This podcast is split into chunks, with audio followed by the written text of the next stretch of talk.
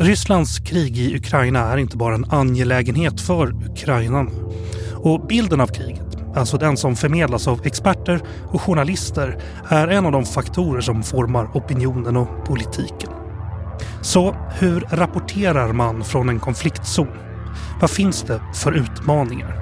Och vad händer om inga oberoende journalister kan berätta vad som händer i ett krig?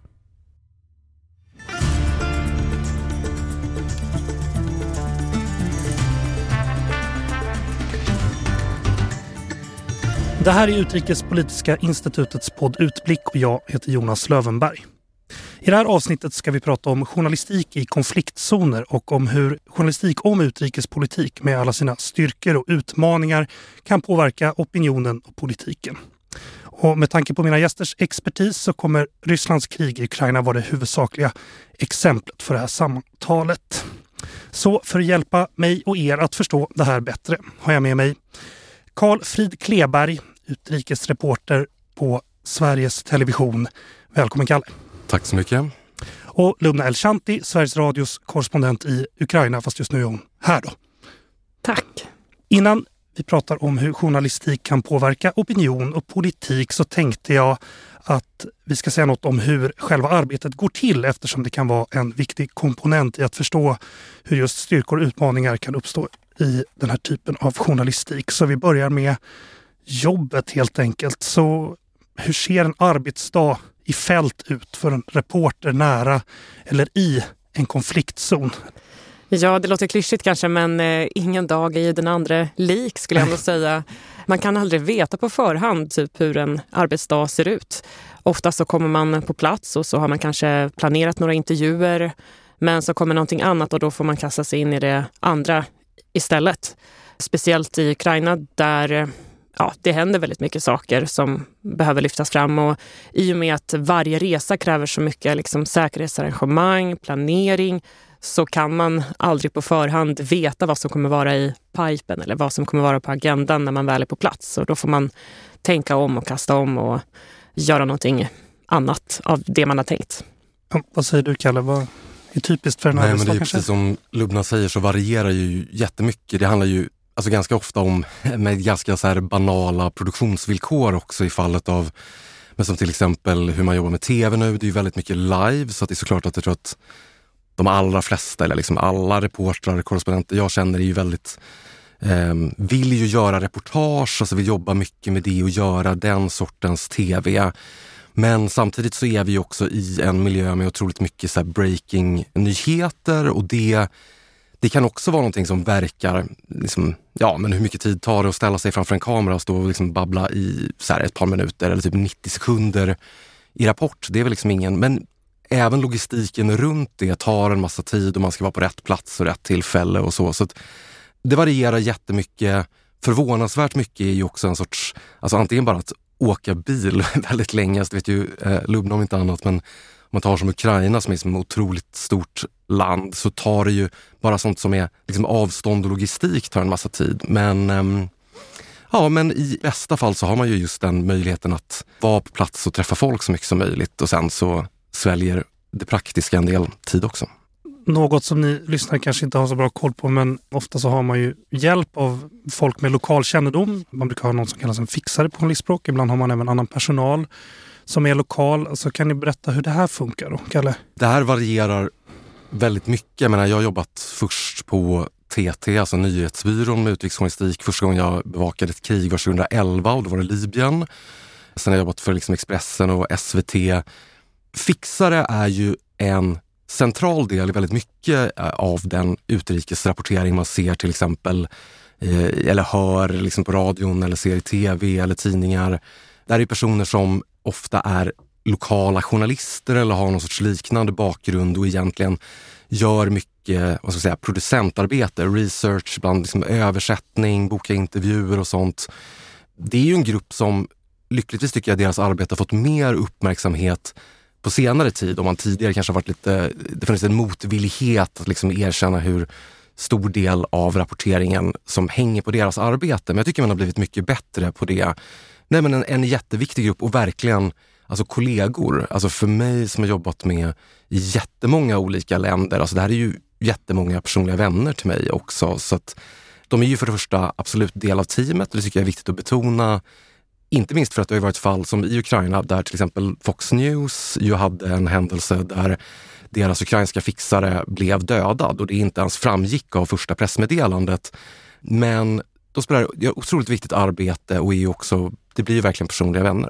Vad har du för team du jobbar med i Ukraina? Först måste jag bara ja. säga att jag håller verkligen med Kalle i den aspekten att det är kollegor i första hand. Och precis, I fallet med Ukraina så är det en, en, en konflikt, ett krig som man återkommer till och då hinner man också bygga upp en relation till skillnad från ett kort krig som man bara bevakar liksom en kort period av, av sitt liv. Så för mig ser jag mina ukrainska kollegor som just kollegor eh, där de får, eh, ja, men precis som Kalle sa, boka intervjuer eller eh, hjälpa mig att förstå just den här, det här lokala samhället. Förlåt, vad var din fråga? Nu glömde jag. Ja, nej, men hur, ser ditt team, hur ser ditt team ut ja, som du jobbar med? Där? Ja. Nej, men det ser nog väldigt olika ut. Jag har lite olika team som jag jobbar med beroende på vart i Ukraina jag är. Jag har vissa kollegor som är väldigt bra på att eh, få fram politiker, liksom, till exempel i Kiev som jag vill prata med. Andra kanske kommer från Charkiv eller från Odessa eller från Cherson och har bra lokala kontakter där. Så jag jobbar med olika team beroende på vart jag eh, befinner mig i Ukraina. Och hur ser hjälp hemifrån redaktionen ut? Då? Man är ju väldigt långt borta från hemmaplan. Liksom. För mig är den främsta hjälpen jag får från hemmaredaktionen är, gäller ju säkerheten. Och det, mm. Där har ju Sveriges Radio en hel säkerhetsavdelning som håller koll på mig och eh, hjälper mig att eh, få fram liksom, information om hur läget ser ut på marken i vissa områden och vart jag ska och inte ska röra mig. Och vi liksom bestämmer det tillsammans med det här teamet. Så säkerhetsaspekten är jätteviktig hjälp som jag får hemifrån. Annars så har vi korrespondenter på Sveriges Radio ganska fria tyglar. Man kanske diskuterar lite på förhand vilka vinklar, vilka ämnen man vill ta upp. Men sen på plats så har man ganska fria tyglar och har man en idé som man verkligen vill göra och tror kommer få ett bra mottagande så, så får man göra det och då kanske redaktörerna bara hejar på en och hoppas på att det går vägen. Det är ju verkligen så att säkerhetsarbetet tror jag kommit att uppgraderas liksom i viktighet när det gäller konfliktrapportering bara under de senaste 10-15 åren. Att det har blivit mer fokus, att man jobbar mer med det, det är mer dialog mellan olika redaktioner som jag uppfattar det. För mig har det spelat jättestor roll att jag haft en superbra chef som heter Pia Bernhardsson som ni på UI ju nu har snott ifrån oss. Min nya chef ehm, faktiskt. Ja. Men, och då är det ju hängt jättemycket på att i det här fallet då eh, chef haft Pia har varit extremt kunnig, haft extremt bra koll tillsammans med säkerhetsavdelningen eh, på SVT. Ibland har ju vi till och med haft med oss folk från SVT, från säkerhetsavdelningen. Vår expert som heter Johan Eckevad som har varit med flera gånger.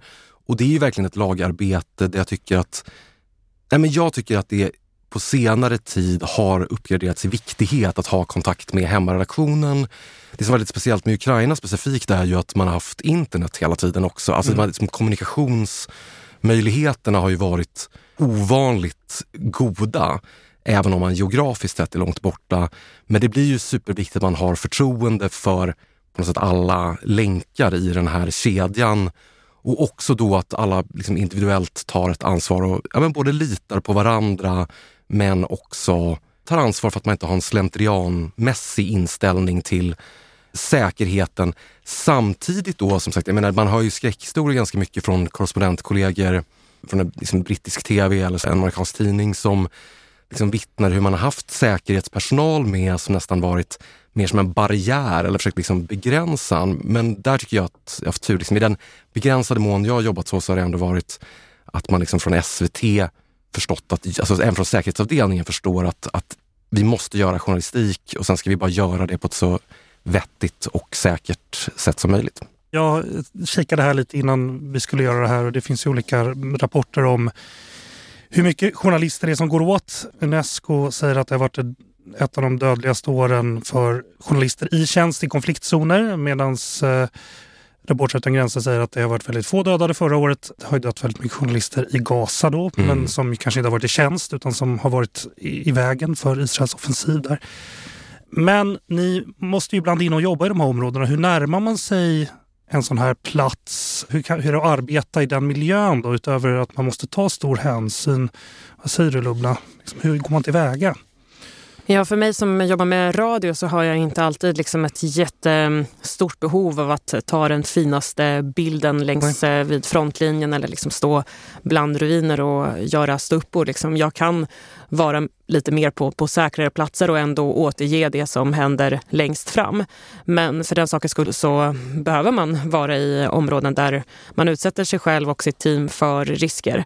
Och eh, det är ett enormt säkerhetsarbete där man eh, analyserar situationen, man samlar in underrättelser från öppna då källor, har kontakter från kanske militären som berättar om det här området är säkert att åka till och eh, all den här information samlar man och bollar med sina kollegor på sin redaktion och sen så tar man ett beslut. Är det här journalistiskt liksom motiverat jämfört med, med den risk man tar? Och eh, om det bedöms vara det så, så får man kanske göra den resan. Men det kräver enormt mycket säkerhetsarbete. Och, eh Eh, I SVTs fall så har de ibland jobbat med en, eh, vad jag förstått, din kollegas, en säkerhetsperson som har kommit från, från Sverige. I mitt fall så har jag jobbat eh, ibland med säkerhetsföretag i Ukraina eller från brittiska företag och har helt enkelt en person, en livvakt kan man säga, som ser till att jag inte går för långt fram och ser till att ja, jag jobbar så säkert jag kan i den, i den miljön.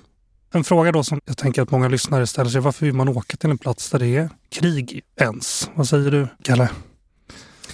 Ska jag vara superärlig så är det såklart att så här, det är mitt jobb. Jag tycker det är viktigt, eller en del av mitt jobb. Jag tycker det är jätteviktigt faktiskt med bra, korrekt journalistik och att man kan visa hur det faktiskt är. Men sen så är det ju för egen del så är det inte bara någon sorts ädel liksom, pliktgrej. Alltså det är väl, jag tror att om man jobbar med de här ämnena utan att på något sätt ha någon sorts här ganska fånig liksom, hjälte-action-fantasi, för det är inte det. Men däremot så är det ju jag tror att man, man drivs väl, många drivs väl av en stark, ett starkt behov nästan av att se med egna ögon hur det ser ut och vad som faktiskt händer. Och som sagt, jag vill liksom betona att det här är inte detsamma som liksom att man ska ut och göra någon sorts här, eh, actionäventyr. Och det är till och med så att säga, menar, det finns ju journalister som har anklagats ganska orättvist av att drivas av några sådana motiv när de sen hamnat i olika besvärliga situationer. Men jag tror, jag tror att det är en ganska naturlig grej att man, nej men att man vill se själv eh, hur saker är. Vad säger du Luna? Ja, alltså jag skulle ändå inte vilja titulera mig som någon så krigskorrespondent. Nu har det blivit så att eh, jag rapporterar från ett land i krig, men för mig är det snarare liksom platsen som är eh, mm. av intresse. Det är Ukraina jag vill eh, rapportera om och från. Och sen så är kriget liksom en ytterligare dimension som man måste ta hänsyn till. Och eh, ja, krig, det ligger någonting i det Kalle säger. Alltså krig på något sätt visar liksom det banala i livet. Det handlar i slutändan om liv och död och hur människor hanterar en så pass stor utmaning. Och det finns eh, någonting väldigt skört och någonting väldigt eh, ja, viktigt i det att eh, berätta om. För att det här påverkar vår nutid och det kommer påverka vår framtid. Och det gör att det känns också väldigt viktigt att vara där på plats för att det är i och med de här berättelserna som historien kommer att skrivas om sen och få vara en del av det och bidra till det. Det känner jag är också väldigt viktigt. Men som sagt, för mig är det inte kriget i sig som är kanske av det största intresset utan snarare berätta om eh, landet och om människorna och allt som händer i Ukraina. Men om jag får bara hugga på där så tror jag att eh, det här är en jätteviktig grej faktiskt som du nämner här Luna, nämligen att Alltså jag tror att ett litet handfull undantag kanske så tror jag att vi i Sverige i princip lyckats genom vad jag uppfattar som ganska medvetet arbete liksom sopa bort en del av det här liksom, krigskorrespondentandet eller den identiteten till förmån för att prioritera att folk som har kunskap liksom, om regionen eller landet och liksom, språkkunskaper och liksom sånt också gör det jämfört med en lite så här som jag skulle säga idag, jag ska säga föråldrad syn på så här, krigskorrespondenten. Och sen så är det ju som sagt då att så här, sen blossar det upp konflikter, på, eller krig till och med, i områden man bevakar. Men jag tror att det är viktigt att de som bevakar dem också har den bakgrundskunskapen. För att jag tror att börjar man liksom i andra änden med att det är som man tycker är så himla fascinerande med krig och sånt, då blir det ofta väldigt så platt tvådimensionell rapportering. Jag tycker ändå i den svenska rapporteringen att det, det finns ofta reportage om hur människorna har den i de här områdena. Och det, är väl, det speglar väl det ni säger, tänker jag. Ja, men också att man måste veta Alltså man, man, måste på något sätt ha träffat tillräckligt många personer ska säga, för att veta att, jag menar nu journalistik är ju inte statistik. Där ibland så är det folk så här, jaha, men nu har ni grävt fram någon som har en så här helt avvikande åsikt eller så bla bla bla. Men det är ju i alla fall så att, att för att veta när man pratar med någon hur, för att sätta vad i kontexten eller sammanhanget för vad den här personen säger, då måste man veta en del saker. Man kanske måste veta en del om attityder eller liksom inställning, eller liksom historia om man är i Ukraina. Om man rapporterar från andra ställen, vad ska vi säga, Libanon, liksom, då kanske man måste veta en del om de konflikter som har funnits där, sekteristiska spänningar och hur det uttrycker sig i politiken. Jag menar liksom att, att det är ganska lätt att bara komma in och säga så här, ja, ah, här är det sprängt, typ. Eller så här, här säger någon det här. Utan det som ställer mycket högre krav det är ju att man också kan tolka in det i ett sammanhang. För jag tror att alltså det blir lite så att det är väldigt svårt att förklara för publiken något man inte fattar själv. Ja, alltså jag håller verkligen med Kalle i det och eh, jag tänker på hur det var i början av eh, den fullskaliga invasionen. Det känns som att alla redaktioner bara skickade iväg eh, sina reportrar som de hade liksom som var villiga att åka och det var så många människor man träffade i Ukraina i början av eh, kriget, liksom det fullskaliga kriget, som inte hade en aning om någonting, som frågade vad Donbass är, som frågade väldigt så banala frågor. Och ehm, ja, och det kändes nästan lite läskigt. Så vad är det för produkt som kommer komma ut av det om folk mm. inte vet vad det handlar om egentligen.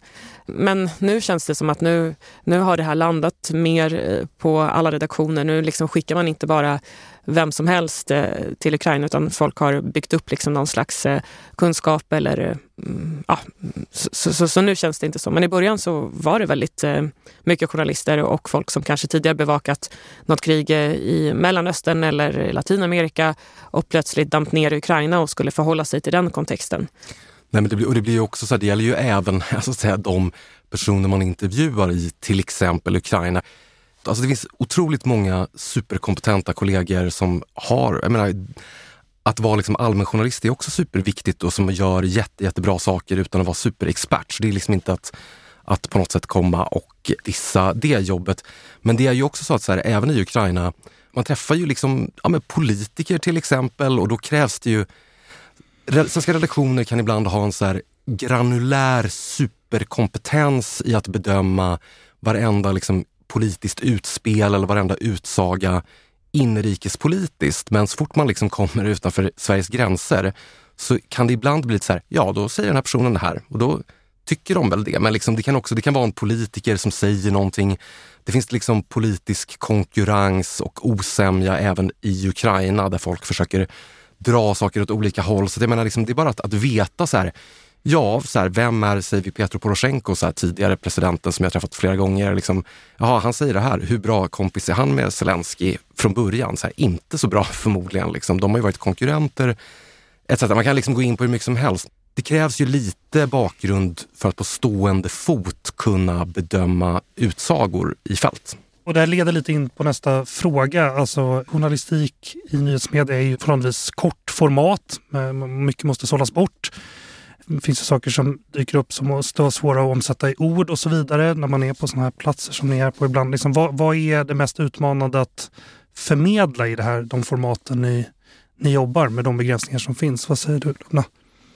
Ja, det mest utmanande är ju eh, det journalister är till för, är ju på ett sätt att förenkla och förenkla och förenkla. Till slut så vet man inte vad man har sållat bort och vad som är liksom, vad är det man, man säger för att man har försökt anpassa det så att det blir begripligt för folk hemma. Och, eh, på det sättet så är Ukraina en ganska enkel konflikt för att eh, det är väldigt tydligt vem som är angripare, vem som är förövare, vem som är offret i, i Ukraina-fallet. Men ändå så finns det en massa dimensioner som, som är svåra att eh, förklara helt enkelt. Det är väl det jag skulle säga ändå, att, att, att kunna göra det begripligt och få det att kännas nära på något sätt. För att det är ju det som det faktiskt är. Och, det, och, och, ibland så känns det som att konflikter handlar ofta om ett land någonstans där borta och att man kanske inte känner att man har gemensamma nämnare med eh, folk som man läser om i, i tidningar. Och där man som journalist vill att det ska kännas nära. Det här är liksom en... Har du något exempel på när du har stått inför en händelse, fått höra en historia och sen så liksom det finns inte plats för det här? Har, har du varit med om det? Det händer hela tiden. Det händer ja. verkligen hela tiden. Gud, jag kommer inte komma på något eh, bra exempel på rak arm. Ja, alltså det kan vara att man eh, berättar om en händelse, till exempel mm, om en bondgård i, utanför Charkiv där en bonde har förlorat alla sina djur. Liksom. Och sen så i nästa mening så berättar han om, om hans eh, familj som han också har förlorat. Och då är kanske Alltså det, så här, det som hände tidigare, det som händer nu, liksom vad, vad, vad, ska man ha med i ett sånt reportage? För att liksom båda historierna kan vara intressanta. Vad säger du om begränsningar i, beroende på format och sådär? Nej men jag håller med. Alltså det är ju, men jag har jobbat först liksom på nyhetsbyrå, sen på Expressen, sen med tv. Alltså det är ju helt olika liksom det är helt olika problem som uppstår om man ska typ göra ett tv-inslag och den som vill kan ju då försöka skriva hur mycket spik, alltså hur mycket som reporten pratar i ett typiskt tv-inslag och konstatera liksom att det kan ju vara typ en notis, alltså hur mycket man hinner få, säga, få sagt i det kontra eh, om man skriver långa reportage i tidningen. Alltså det är ju helt olika utmaningar.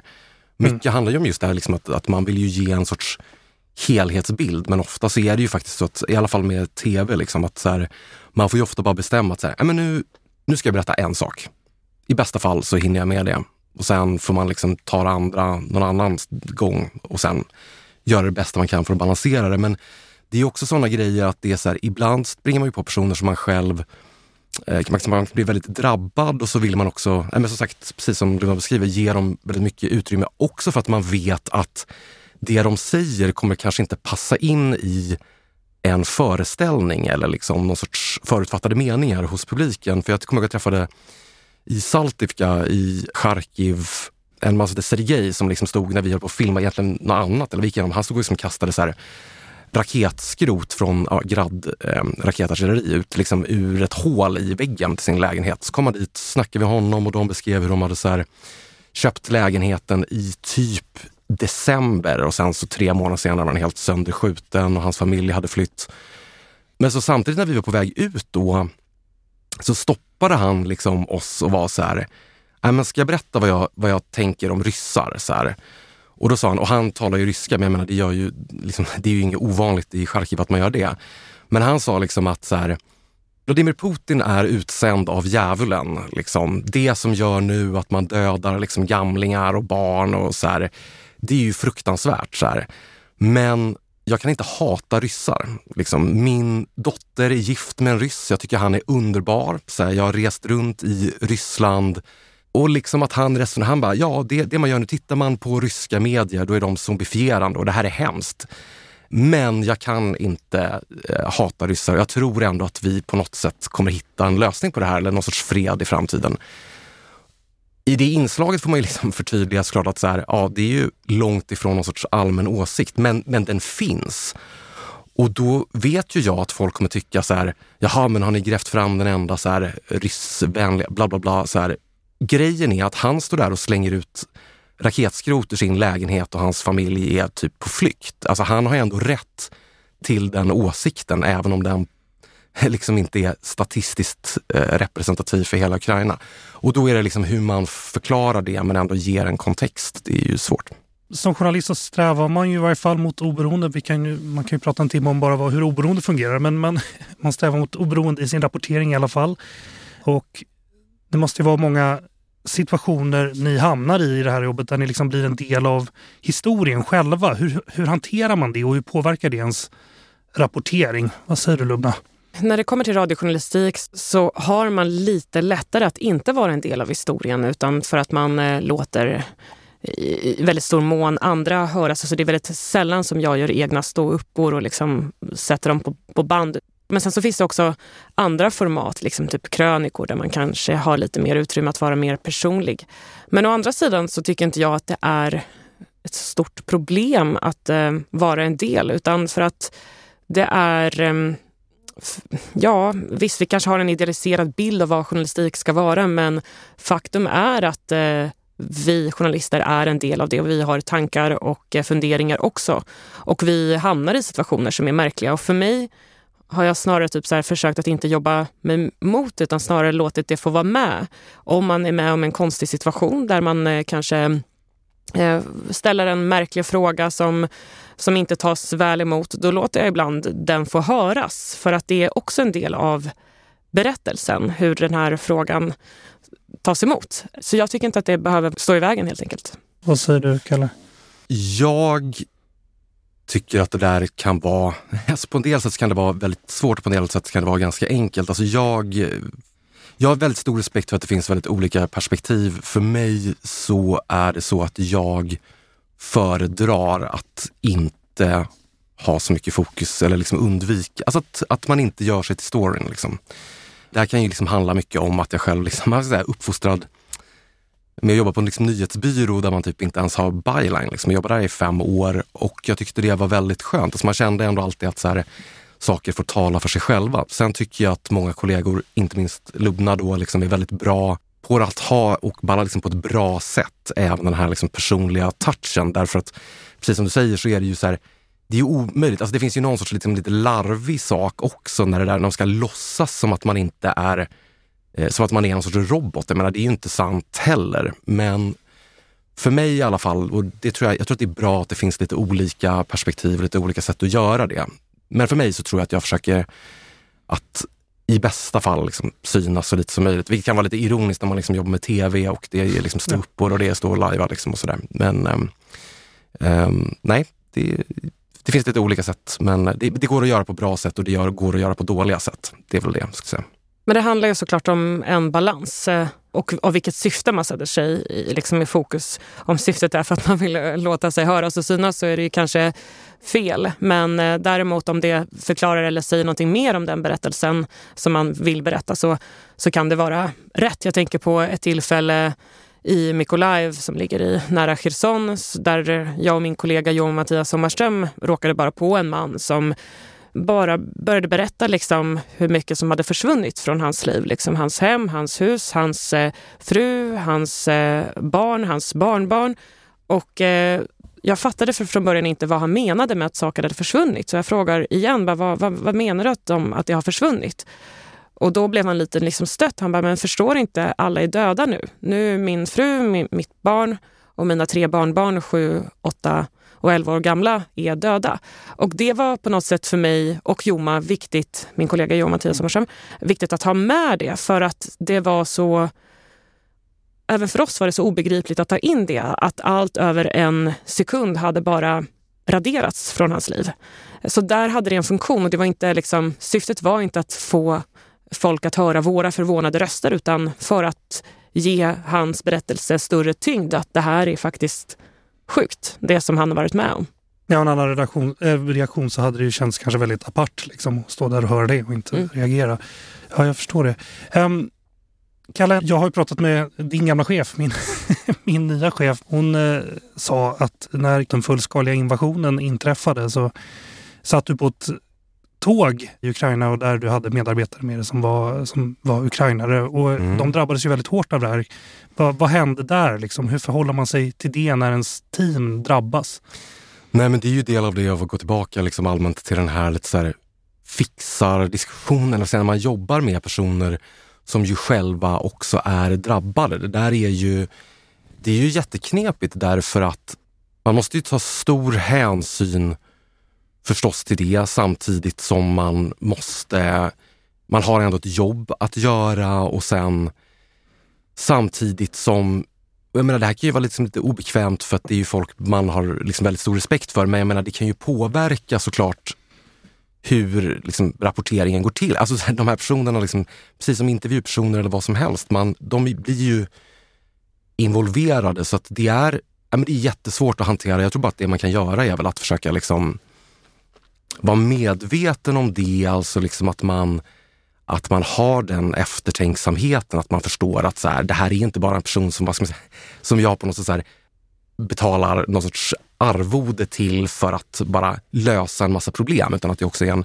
människa som dessutom, vilket ju är del av diskussionen de fixar ofta, inte bara åker därifrån om ett par veckor liksom, eller tar sig därifrån, utan de kommer ju vara kvar där också. Så att det är, det är jättesvårt och jag har liksom ingen riktigt bra lösning på det annat än att man måste förstås liksom ta ett, häns, ett hänsyn eh, och hitta ett sätt där man också samtidigt liksom kan jobba och det tror jag många också vill. Och så när de själva liksom involveras, att man känner att de ändå jag tror att det är lättare också om man känner själv, att, alltså även för dem, att de har liksom en uppgift och eh, bidrar till, i det här fallet, journalistik. Men, men frågan är väl snarare så här att om, om, om ens team drabbas, jag ställer ju frågan till dig också Lundna, vad, vad händer med ens, e-, hur påverkar det ens egen rapportering? Går det och, och, hur förhåller man sig till en sån sak? Det är väl som Kalle säger, man, eh, man är ju framförallt också kollegor, man är vänner. Det är klart att deras situation går före min journalistik. Alltså jag kan lösa min situation på något sätt ändå. Jag får väl vända mig till någon annan om det är så att eh, fixaren eller liksom lokala kollegan i fråga är, behöver hantera någonting annat. Så är det väl på vilken arbetsplats som helst. Men sen så har man ju alltid det i åtanke när man jobbar med lokala kollegor. Man vet att eh, de är drabbade på alla möjliga sätt. Vi hejar ju på Ukraina på något vis här för att det känns som att det finns en självklar förövare här som är Ryssland som har anfallit Ukraina. Alltså, hur påverkar det rapporteringen, tror ni? Kan vi rapportera om vad som helst? Jag tror absolut att vi kan rapportera om, om, om vad som helst. Det, det, tror jag inte tar ifrån. Sen så tror jag inte någon av oss har sagt att man hejar på, på Ukraina utan snarare att, det. Eh, snarare att konflikten är ganska tydlig i det här fallet. Att det ja. finns en förövare och att det finns ett offer. Um, sen så är det såklart att liksom, om man sätter det här i en större kontext så handlar ju kriget om Ukraina även om vår framtida liksom, rätt till demokrati och, och eh, här, vilken värld vill vi leva i? Vill vi leva i ett land där ett stort land kan angripa ett mindre land och eh, begå massa krigsbrott och sen eh, gå där ostraffad därifrån? Alltså, så här, det är en del av det du är ute efter, liksom, vem, man, vem man nu hejar på. Um, och um, ja, jag tänker att absolut att man kan rapportera om allting och det gör vi ju också. Och det har vi, och jag tänker så här, I början av den fullskaliga invasionen så var ju väldigt mycket fokus på händelsen. Det här har hänt, så här drabbas människor. Men ju mer tid har gått, desto mer har man pratat om andra saker. Man har ju nämnt, absolut, inte en gång om eh, problem med korruption i, i Ukraina. Det var stora problem innan den fullskaliga invasionen och de problemen försvinner inte över en natt. Och eh, massa annat. Liksom. Och det har man ju alltid i åtanke, de man pratar med i Ukraina, att de har ju också sin agenda. De vill ju också påverka. De vill ju också till exempel att vi ska i Sverige engagera oss för deras sak och eh, skicka mer pengar, skicka mer stöd, skicka mer hjälp. Och det, det har man alltid liksom i åtanke, tänker jag. Det här är ju någonting som är lite knepigt och jag kanske kommer låta lite som någon sorts opartiskhet fundamentalist här, någon sorts eh, objektivitetstaliban. Alltså grejen är att precis som Lubna säger, jag tror inte någon har sagt liksom att vi hejar på ena eller andra sidan. Jag tror också att det är väldigt farligt om journalister uppfattar det som sin funktion här att hjälpa ena eller andra sidan. Det är i min mening absolut inte, i alla fall inte mitt jobb. Det här beror på flera saker, till att börja med någon sorts allmän liksom, princip om vad vi håller på med. Vilket också ska sägas, det är ju någonting annat från att man kan säga vissa självklara saker om liksom, det finns, det betyder inte att, att det är någon sorts moralisk likvärdighet mellan Ryssland som är angriparen mot Ukraina som inte har hotat Ryssland. Alltså, det är ju väldigt viktigt att betona att det finns en moralisk skillnad och det finns en praktisk och juridisk skillnad. Detta är jätteviktigt. Med det sagt så är det så att jag tror att för journalistikens existensberättigande så är det jätteviktigt att vi gör en stor ansträngning för att beskriva saker så efter förmåga liksom neutralt som möjligt. Som sagt, inte att göra en moralisk lik, liksom, att göra det moraliskt här, samma eller likställa dem, parterna i ett sånt här ganska, ändå får man säga, relativt enkel konflikt där Ryssland ju är den liksom, skyldiga angripande parten. Men däremot så är det så att det finns en massa personer som gärna betalt eller gratis agerar hejaklack åt ena eller andra sidan. Det vi, inte minst för mig som får min lön från skattesedeln, det som är mycket ovanligare, det är liksom de som det att ta fattar som ett mer grundläggande journalistiskt ansvar att försöka... Ja, men det, när jag själv konsumerar journalistik, jag vill ju ha inte information som ger mig någon sorts mysig känsla eller bekräftar någon sorts önsketänkande i mig, utan jag behöver liksom information som är praktiskt nyttig för mig och där jag kan lita på att avsändaren försöker ge ett, inte någon sorts här robotpåhittat, liksom robotobjektivt liksom information, men bara någonting så opartiskt liksom korrekt balanserat som möjligt. Därför det är också för mig användbar information. Medan liksom hejaklacksgrejen, det finns det massa andra som gör gratis också. Men jag vill som sagt upp, upprepa att så här, det här betyder inte att jag säger att så här, man ska vara opartisk i något sorts moraliskt avseende att likställa, i det här fallet Ryssland och Ukraina. Men det handlar bara om vad jag tror är vad jag själv vill ha ur journalistik jag konsumerar. Men här finns det också ett problem och det är att eh, alltså både jag och Kalle är bara no några av tusentals journalister ja. som bevakar Ukraina. I mitt fall så bevakar Ukraina. Jag har inte tillgång till, till eh, Ryssland och eh, det är väldigt svårt för många journalister att få akkreditering till Ryssland vilket gör att det blir väldigt svårt att rapportera från Ryssland och eh, beskriva de förhållandena som Ryssland verkar i och vad folk verkligen tänker och känner där. Vilket blir också att det ibland blir en ensidig rapportering om kriget i Ukraina för att vi journalister har inte möjlighet att besöka Ryssland och ställa de frågor som vi skulle vilja. Nej men så är det absolut. Jag menar det är inte så lätt ens om man hade varit där. Men jag menar, jag kan ju säga, jag är ju i teorin då tillträdande Rysslands korrespondent. Jag tror inte att det finns någon sen syrrorna i Tjechovs tre systrar som har snackat mer om vad de ska göra när de kommer till Moskva än vad jag har. Men det är å andra sidan så också att om inte annat så tror jag att en del liksom riskerar man att falla i en sorts önsketänkande eller liksom hejaklack eller boosterism så tror inte jag, jag tror att det skälper för i det här fallet Ukraina mer än det hjälper. Alltså till och med liksom försvarschefen Valerij Zaluzjny fick ju, jag vill säga om han fortfarande är det när ni lägger ut det här när det nu är, men till och med han fick ju gå ut i den här Economist-artikeln och liksom värja sig från liksom olika analytiker eller försvarskommentatorer som i hans mening liksom trivialiserat eller underdrivit hur farlig Rysslands militär är eller liksom hur kraftig Ryssland är som liksom militärt hot mot Ukraina. Och det är ju just det att liksom många av de problem man ser för Ukraina nu tror jag går att, alltså politiskt ur ett så här väst, liksom EU-perspektiv, går ju att härleda till just den här liksom risken att man ramlar i fallgropar där man ger, liksom, man, man föder ett önsketänkande, man låter folk tro att saker liksom, ja, men är på något sätt lättare än vad de är. Men jag tror att det viktigaste för, för de som verkligen vill hjälpa Ukraina i den här konflikten, det är att ha ett långsiktigt perspektiv och förstå att det här kommer liksom inte av allt att döma vara över i närtid. Så att det är just det här också att en del av det här önsketänkandet befarar jag skälper liksom mer än det hjälper, även om det kommer från folk som bara vill liksom hjälpa Ukraina och känna att, att det är det de gör med sitt stöd.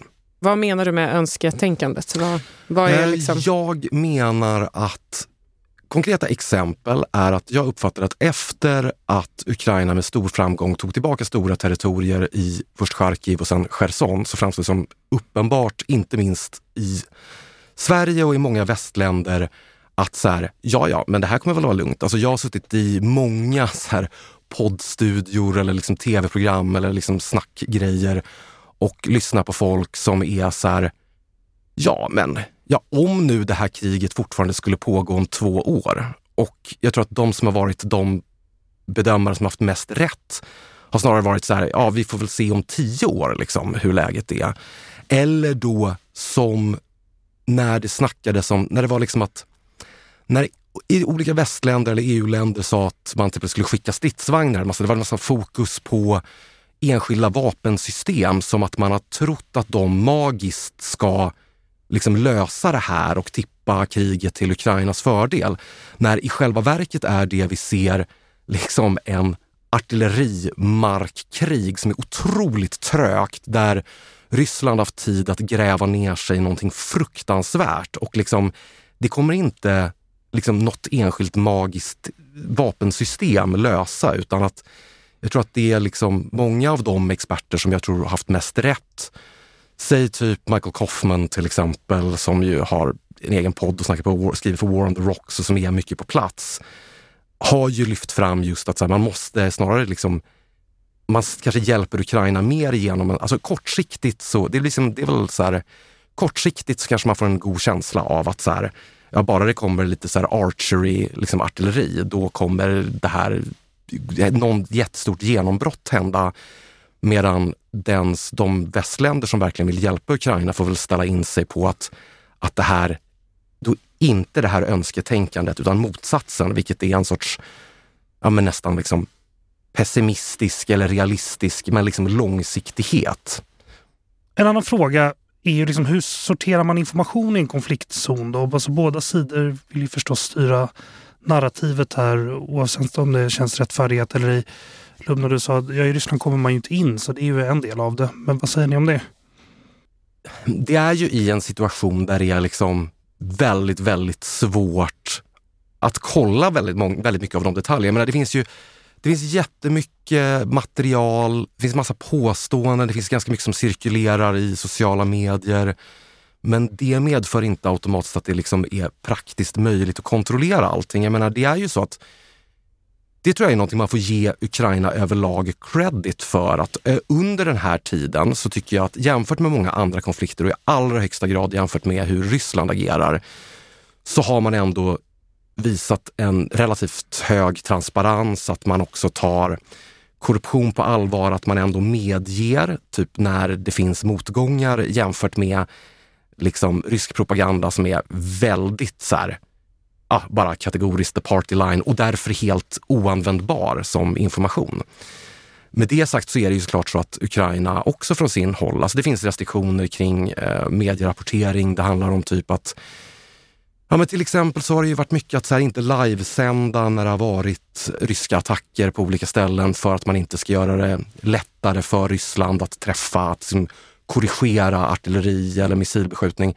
Det är väl superrimligt att Ukraina vill agera på det sättet och sen så, ja det är klart det också innebär restriktioner för journalister men jag har väldigt, jag har väldigt svårt att liksom klandra Ukraina för det utan jämfört med konflikter jag bevakat i alla fall så så tycker jag ändå att man från ukrainskt håll har, man har medgett motgångar, man har visat en, en ganska hög grad av transparens. Definitivt jämfört med Ryssland som ju är ju på officiell nivå så mycket propaganda att även om de säger saker som skulle visa sig stämma i sak så är det helt oanvändbart som information väldigt ofta.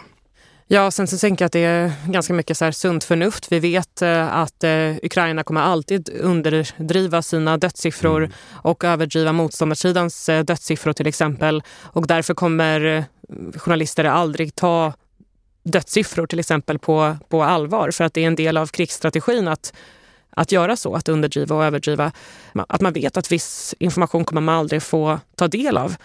Och sen så tänker jag att eh, det hjälper väldigt mycket att vara på plats, att eh, höra vad folk säger, vad, eh, prata med olika liksom, vittnesmål. Jag tänker till exempel i, utanför eh, Charkiv i Izjum, de här eh, gravarna som hittades där man hade begravt eh, under Izjums ockupation många människor som hade dödats av olika, av olika anledningar. Vissa på grund av artilleri, hade blivit ihjälskjutna, hade bara dött. Och eh, där så fick liksom journalister ett väldigt begränsat utrymme att röra sig på för att eh, det var fortfarande farligt och det låg väldigt mycket överbliven och oexploderad ammunition. Men eh, och det kändes som att många fanns i den situationen, och även, även jag. Men sen var vi en, en grupp som bara gick iväg och bara så pratade med folk på, på gatan och folk som bodde i, i närheten. Och då får man liksom en, en till pusselbit i det här stora pusslet och det blir mycket liksom, lättare på något sätt att förstå och förhålla sig till informationen när man får den lite från, från, olika, från olika håll. Men det är också väldigt svårt. Alltså jag tänker så på de många krig som man som utrikesjournalist har bevakat via liksom notiser på, på Reuters eller på AFP. Det är långt ifrån en liksom, heltäckande bild jämfört med när man är på plats och ser det med egna ögon. Men det är precis som du säger, alltså typ, jag tror att, att tyvärr så är det väl så att ganska många har till exempel tagit de här liksom, eh, officiella dödssiffror liksom, och publicerat det. Jag menar, det är att så här, jag fattar att, att du eller ni inte gör det, men det är ju för att, att du också har den kompetensen och liksom kunskapen att sätta in det i ett samband eller i sammanhang. Men för att någonstans är det ju så att så här, ja, men alla krig liksom i alla tider, tror jag, även om det är liksom trendigt att snacka så här psykologiskt så här, och hybridkrig och grejer nu. Det har alltid funnits ett så psykologiskt element till krigföring. Så att det måste ju, allt måste ju tas med en stor skopa salt och en hälsosam skepsis. Så är det bara. Och hårdraget så är det ju så att om ukrainska myndigheter eller liksom militären inte också höll på med alltså vissa typer av psykologiska operationer, då hade ju det varit ett tjänstefel. Så det är ju bara del av verkligheten. Men, men det är väl också därför jag sa liksom att ändå relativt, jag tycker ändå att, att Ukraina har varit som sagt, relativt någorlunda bra på att ha en, en viss grad av liksom, transparens, i alla fall när man är van vid ren propaganda. Tillgängligheten till de här platserna som har drabbats då jag har förstått det som att det är ganska stor tillgänglighet i, i den här konflikten. Hur viktigt är det för att kunna upprätthålla en god rapportering? Det är väldigt viktigt. Alltså det som stoppar är, är ju i många fall, i mitt fall i alla fall, säkerheten. Att det är för farligt för att röra sig på alla platser. Och det blir förstås ett hinder, för där får man endast information via liksom sekundära källor, via någon soldat som har varit där nyligen eller via något vittne som varit där nyligen. Så där, där försvinner det, där blir det ju liksom ett, ett svart hål. Eh, sen så finns det ju journalister som eh, kan ta sig ut till de eh, områdena, men det, ja, det, det är såklart svårt. Det här är någonting som har varierat väldigt mycket. Jag, menar, jag vet att första vändan, eller då direkt i samband med eh, utbrottet av fullskaliga kriget, det vill säga Rysslands invasion då, eller fullskaliga invasion, så åkte jag med en fotograf som heter Niklas som jag varit korrespondentfotograf i Mellanöstern innan. Och liksom, han var ju, som jag minns det i alla fall, han får han väl rätta mig eh, på jobbet sen, men att hans erfarenhet, precis som många konflikter jag har rapporterat om i Mellanöstern och Nordafrika tidigare, då, är det liksom, då kändes det här ganska liksom kontrollerat. Alltså att I andra situationer så har det varit lite så här, jag ska inte säga hejkon bacon, men liksom att man har kunnat ta sig fram ganska mycket. Men å andra sidan om man jämför med situationen med Gazakriget nu så är det ju såklart att vi på SVT får ju förstås höra en massa om så här, jaha, men ni var så, har varit så här och liksom bevakat i Ukraina men är inte på plats i Gaza. Men jag menar, där är ju verkligen ett, ett exempel där de fysiska villkoren är otroligt begränsade. Det, det vill säga, det går inte att eh, komma dit oavsett liksom hur mycket man har försökt. Så det, är ju, det där är ju liksom verkligen varierande mellan olika konflikter. Jag vet inte, det är också, det ska ju sägas här att Lubna, du har ju varit mycket mer än vad jag har i Ukraina, särskilt på senare tid. Mitt intryck är att under fjolåret så har ukrainska myndigheter kanske varit successivt mer restriktiva i tillgång till ja vissa typer av frontavsnitt och liknande. Men det vet du bättre än vad jag gör. Ja, men det, det, är säkert eh, så. Jag tror att det varierar väldigt mycket beroende på vilket område man vill vara i. Till exempel i Cherson i södra Ukraina, där har ehm, den lokala liksom, eh, generalstaben varit väldigt eh, restriktiva. De vill inte låta journalister vara där överhuvudtaget för att de menar på att det stör liksom, operationer som pågår. I Charkiv så är de tvärtom väldigt välkomnande och låter en röra sig helt fritt liksom, nästan vart som helst. Så det, det beror nog på. Samtidigt så märker man ju också att det är färre journalister på plats i, i Ukraina. Det, mm, ibland så blir det till och med myndighetspersoner förvånade över att man är där och säger att det har ju varit, det var sist någon var här var ett halvår sedan eller ett år sedan. Och det märks också liksom att, att intresset har gått ner väldigt mycket och eh, det kanske också bidrar till att man vill vara mer öppen mot journalister för att man vet att eh, det är viktigt att liksom hålla intresset levande för Ukrainas sak. Ja, hur gör man det där egentligen? Alltså, hur håller man lyssnare, tittare, läsare intresserade? Alltså, även nyhetsmottagaren blir ju krigstrött på något sätt. Jag tycker det är skitsvårt. Jag, jag tänker på det så mycket och så ofta. Och eh, jag trodde faktiskt inte att jag skulle hamna i det här läget då man känner att man har gjort alla berättelser och man gör dem om på nytt och man har gjort alla berättelser två gånger. Och det känns som att det, allting bara upprepas. Och det, när man är väldigt liksom, deprimerad och ledsen så känner man att det finns ju inget mer att berätta om det här för att allt är samma sak. Men eh, samtidigt så försöker jag påminna mig om att det här, eh, det här är ett maratonlopp. Det här kommer pågå länge och man får inte tappa fokus. Man måste fortsätta och berätta om människor man möter och vad de är med om och den politiska utvecklingen och allt som följer med det eh, med ett engagemang för att det är vår, vår tid, det är vår historia, det är det som händer och även om vi har hört det tusen gånger så är liksom varje händelse unik i, i sin sak. Så det är svårt. Jag tror att det är som för oss journalister så gäller det liksom att inte hamna i det här, men nu är alla trötta, nu vill folk inte höra om Ukraina. Att eh, göra det ändå och anstränga sig och hitta liksom vinklar, saker som folk är intresserade av att höra. Men det låter, blir du trött också då, låter det som? Jag är absolut trött i perioder. Det är väl jag. Och eh, speciellt nu liksom, när man har hamnat i ett läge då man känner att det är svårt att sia om liksom, framtiden. Det är väldigt svårt att veta vad som kommer hända härnäst. Det enda vi vet är att det här kriget kommer pågå väldigt länge och bara den vetskapen att det kommer pågå väldigt länge gör en trött.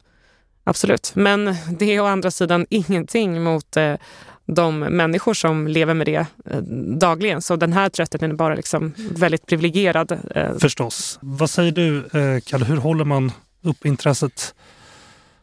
Vi lever ju liksom inte i en värld där det bara finns SVT eller liksom att titta Nej. på tv-burken och bara Sveriges Radio att lyssna på och sen så liksom lite tidningar. Utan vi lever ju i en situation där egentligen det blir ju upp till oss då att hitta sätt att eh, hålla intresset eller att få folk att intressera sig.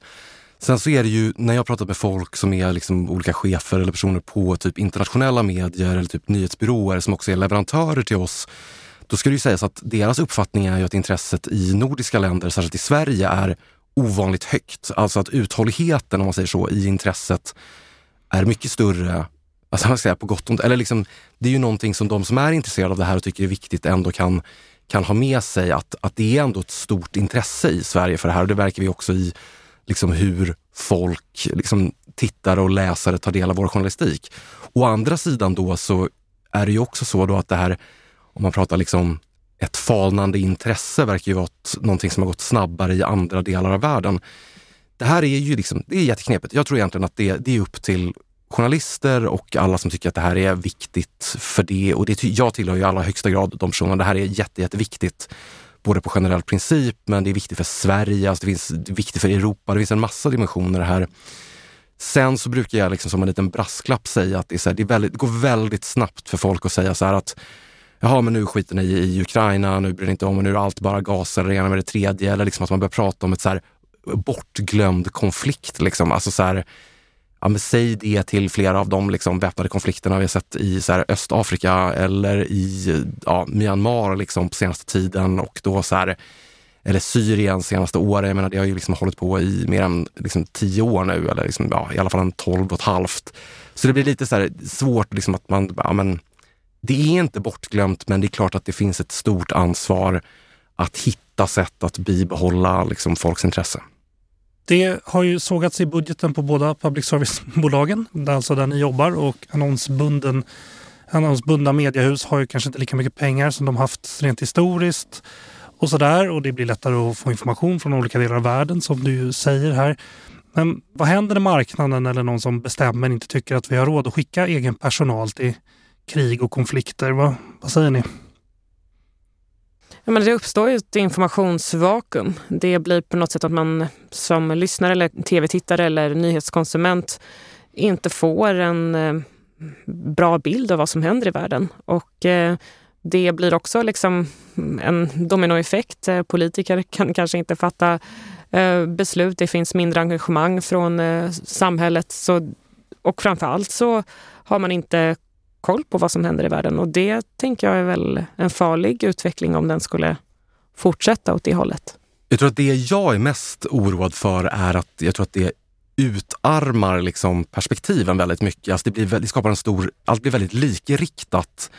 Inte minst därför att folk vänder sig till internationella nyhetsbyråer till exempel, eller internationella medier som har ett annat uppdrag än vad till exempel SVT och Sveriges Radio har. Men liksom för mig så är det ju så att alltså jag läser en massa journalister och lyssnar på poddar och kollar på liksom rapportering från personer där jag varje dag tänker så här, men gud vad knäppt. Det finns rapportering jag tar del av bara för att vara så här, jaha nu ska jag utmana mina egna tankar om det här eller typ, ja vad är det dummaste taket idag på det här som händer i Ukraina? Det är bra och viktigt med en bredd. Även sånt man inte håller med om utan att det på något sätt faller över i, liksom, det kan vara farligt med propaganda och desinformation. Men jag tror att det är viktigt med en bredd och jag tror att ett av de största, om inte det största problemet är att det sker en ut, liksom, att perspektiv försvinner och att det blir, det utarmas när bara liksom, successivt mindre klickaktörer har råd att vara på plats.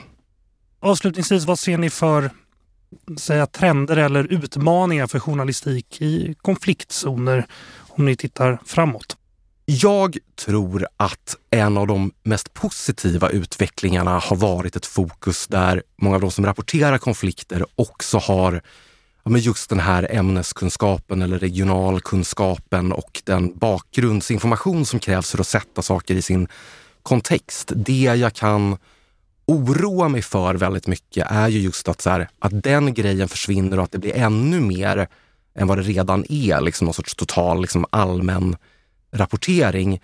Eller, vilket jag tror är den, den ännu mer akuta problematiken, att trenden fortsätter där folk tar del av även mycket komplicerad konfliktrapportering från typ TikTok. Alltså där man bara matas med saker som bekräftar ens befintliga åsikter, som är ofta, man vet inte vem avsändaren är. Alltså det finns otroligt många problem och det är ju någonting som jag, det märker vi ju jättemycket hur den typen av extremt snabb så här, sociala mediepaketerade klipp blir mångas primära källa till krig och konfliktnyheter. Så det, det tror jag akut är det största problemet eller utmaningen jag ser.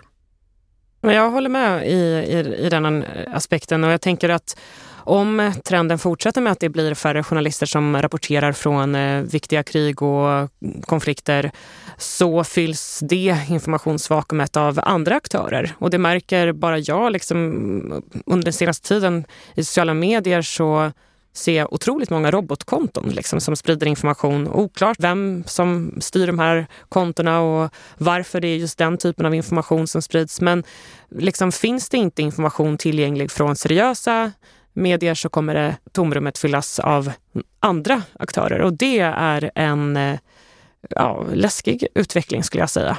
Precis, för jag tror att det blir så lätt så att man också i det här tomrummet som uppstår då vänder sig bara till eh, röster eller rapportering som bara bekräftar ens befintliga åsikter. Alltså den stora liksom, centrala uspen i journalistik och om man frågar mig, liksom mycket av existensberättigandet, det är ju just det att, man, att det är någon som tar ansvar för att liksom, göra det här på ett professionellt sätt, att inte bara liksom, ge folk det de vill ha eller liksom stryka folk medhårs helt enkelt. Och där tror jag att det är en sån risk för en sån Liksom man saknar inte ko förrän spiltan är tom. Liksom att det är först när man har gjort sig av med alla professionella journalister, om man säger så, som tar yrket på allvar, när man inser att så här, de som fyllde det tomrummet kanske inte var så bra som alternativ. En annan orosfråga som jag också har är att det känns ibland som att eh, vi har nått en gräns till en mättnad på utrikesjournalistik, men framför allt på journalistik om konflikter. Alltså med tanke på utvecklingen i, i Gaza och kriget mellan Israel och, och Gaza å andra sidan och Ukraina och många andra konflikter så hör jag i alla fall från privata kontakter och kompisar som säger men gud, jag orkar inte höra mer. Jag vill inte, jag vill inte mer. Och det är en, också en oroande utveckling ifall man väljer att blunda eller liksom vänder ryggen till det som händer i världen. Karl Frid Kleberg, utrikesreporter på Sveriges Television, Lubna El-Shanti, Sveriges Radios korrespondent i Ukraina. Tack för att ni kom. Tack så mycket själva. Tack. Nu har du lyssnat på Utrikespolitiska institutets podd Utblick. Glöm inte att trycka på prenumerera-knappen i appen där du lyssnar på oss. Om du vill veta mer om UIs forskning och omvärldsbevakning, titta in på ui.se. Vill ni ta del av Lubna och Kalles rapportering så lyssna på Sveriges Radio och titta på SVT. Vår vignett är komponerad av Friden Frid. Vi spelar in hos Red Minsko och i kontrollrummet idag sitter Kyle Rosén. Jag heter Jonas Lövenberg. Återhörande.